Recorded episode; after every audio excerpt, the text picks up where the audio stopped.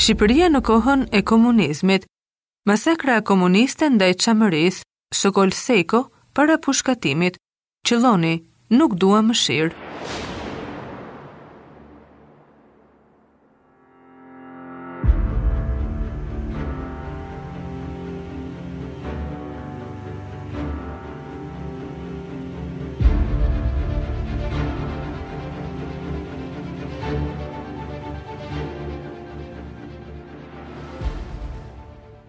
Historia tragjike e djalit të Çamërisë, së 24 vjeçarit Sokol Sejko, i dënuar me vdekje pas një procesi të montuar nga diktatura komuniste. Këto ditë, popullsia e Çamërisë përkujton 27 qershorin, ditën e masakrës së egër greke ndaj kësaj popullsie, menjëherë pas luftës së dytë botërore. Mijëra burra, gra, fëmijë dhe pleq u masakruan nga gjenerali i famkeq grek Napoleon Zerva, Pas gjenocidit në Greqi, popullsia shqiptare e Çamërisë u shpërngul drejt Shqipërisë për të kërkuar shpëtim, por për shumë prej tyre do të niste një betejë e dytë, persekutimi komunist ndaj familjeve të Çamërisë.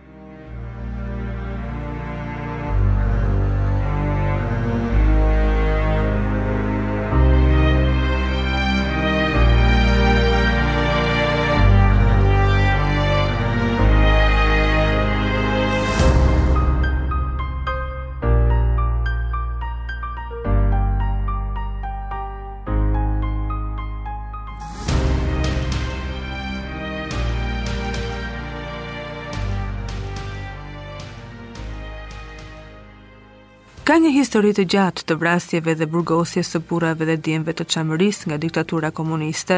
Një prej tyre është ajo e familjes Sejko. Teme Sejko dhe birit të tij, Sokolit. Historia rrëqethëse e Sokol Sejkos e përshkruan me detaje sjelljen e regjimit komunist ndaj elitës së popullsisë së Çamërisë e ardhur në Shqipëri për t'i shpëtuar genocidit grek. Ishte mesnata e 6 marsit të vitit 1974, kur është pushkatuar Sokol Sejko, djali i ish admiralit të flotës, dënuar në vitin 60 për veprimtari armiqësore kundër partisë dhe pushtetit popullor. Para krismave fatale në vendin e caktuar, një grusht njerëzish të armatosur deri në dhëmb i bënë thirrje për të shprehur dëshirën e fundit. Gati në formë urdhri, i dënuar me vdekje, shqiptoi çfarë mendonte, pa vrarë mendjen për reagimin e palës tjetër. Afrohuni dhe pak, e qëlloni. E njihte mirë logjikën e procedurës kriminale, prandaj nuk mund të rrinte pa shprehur atë që e gërryente nga brenda. Ballëlartë dhe me kurajë, foli shkoqur dhe me zë të lartë, duke u paraprirë plumbave vrastarë. Vetëm në pak minuta pas kësaj, gjithçka u pushkatua nga breshëritë e krismave. Prokurori që ka përpiluar procesverbalin e ekzekutimit sipas rregullit të detyrës, është munduar t'i përshtatet ngjarjes pikë për pikë. Sakaq, të tjera dokumenta të dosjes Sokol Sejko përmbajnë mistere të shumta nga prapaskenat e makinës represive të shtetit komunist ndaj djalit të vogël të Teme Sejkos.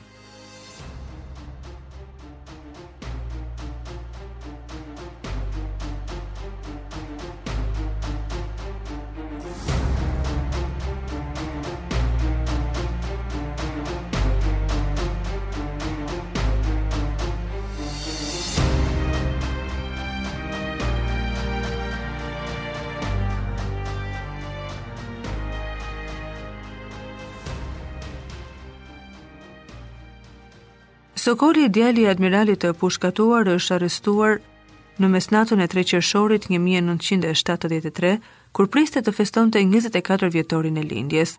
Prangosja e tij ishte pjesë e fushatës represive të fillimviteve 70 që kishte nisur menjëherë pas festivalit të njëmbëdhjetë të këngës në RTSH dhe dënimit të grupeve armiqësore në ushtri dhe ekonomi. Në situatën e krijuar pas këtyre ngjarjeve të pazakonta, krerët e regjimit ideuan aksionin për forcimin e luftës së klasave dhe goditjen e elementeve antiparti, ku pjesa e luanit u mbetej strukturave të Ministrisë së Brendshme. të cilat do të bënin finalizimin konkret. Reflektimi ishte i menjëhershëm. Degët e rretheve filluan nga piketimi i kontingjentëve armiqësorë dhe pinjollët e familjeve me biografi të keqe. Në Berat, fushata nisi me Sokolin, djali i Teme Sejkos, admiralit të flotës, të dënuar me vdekje pas një procesi të bujshëm, ishte viktima e parë e gjahut të radhës.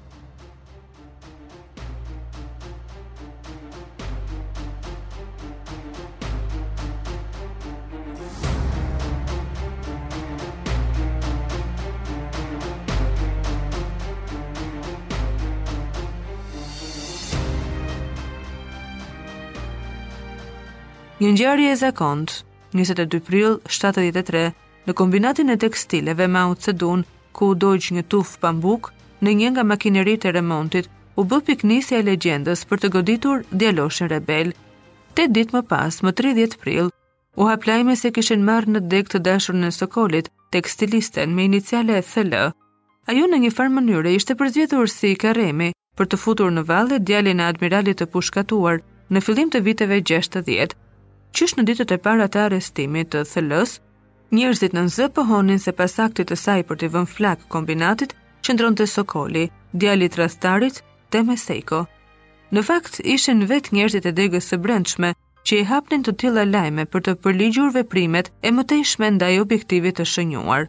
Ndërkaq, mjeshtrit e policisë sekrete vazhdonin për të provuar atë që qarkullonte si një thashethemnajë në qytet. Ajo që ndodhi më tej ishte pjesë e skenarit të thurur me djallëzi nga ekspertët vrastarë. Gjyqi ndaj Sokol Sejkos ka nisur më 25 janar të vitit 74 dhe ka përfunduar në pasditen e së nesërmes. i kryesuar nga Irakli Puka, trupi gjykues, pas pretencës së prokurorit, ka finalizuar çfarë ishte servirur nga sigurimi i shtetit. Në procesverbalin përkatës, pasi përshkruhen procedurat zyrtare, shtjellohet dinamika e veprimtarisë armiqësore të të pandehurit, ku Sokol Sejko artikulohet si kreu i grupit kriminal. Sokol Sejko Sokol Teme Sejko nënvizohet në dokument si armik i betuar i pushtetit popullor duke ushqyer ndjenja të hakmarrjes kundër RPSH. Vite me radhë është përpjekur që në rrugën e armiqësisë të bashkohet me elementë të degjeneruar dhe së bashku me ta të hidhet në veprimtari të hapur dhe të organizuar për përmbysjen, minimin dhe dobësimin e pushtetit popullor në Shqipëri dhe të fuqisë ushtarake të tij, e fitoreve kryesore të revolucionit popullor në fushën ekonomike, politike dhe shoqërore. Ai në krye të një grupi ka bërë planin të hedhë në erë kombinatin e tekstileve Mao Ce Dun, vepër kjo nga më të rëndësishmet të ekonomisë socialiste. Thuhet në procesverbal. Thuhej në procesverbal.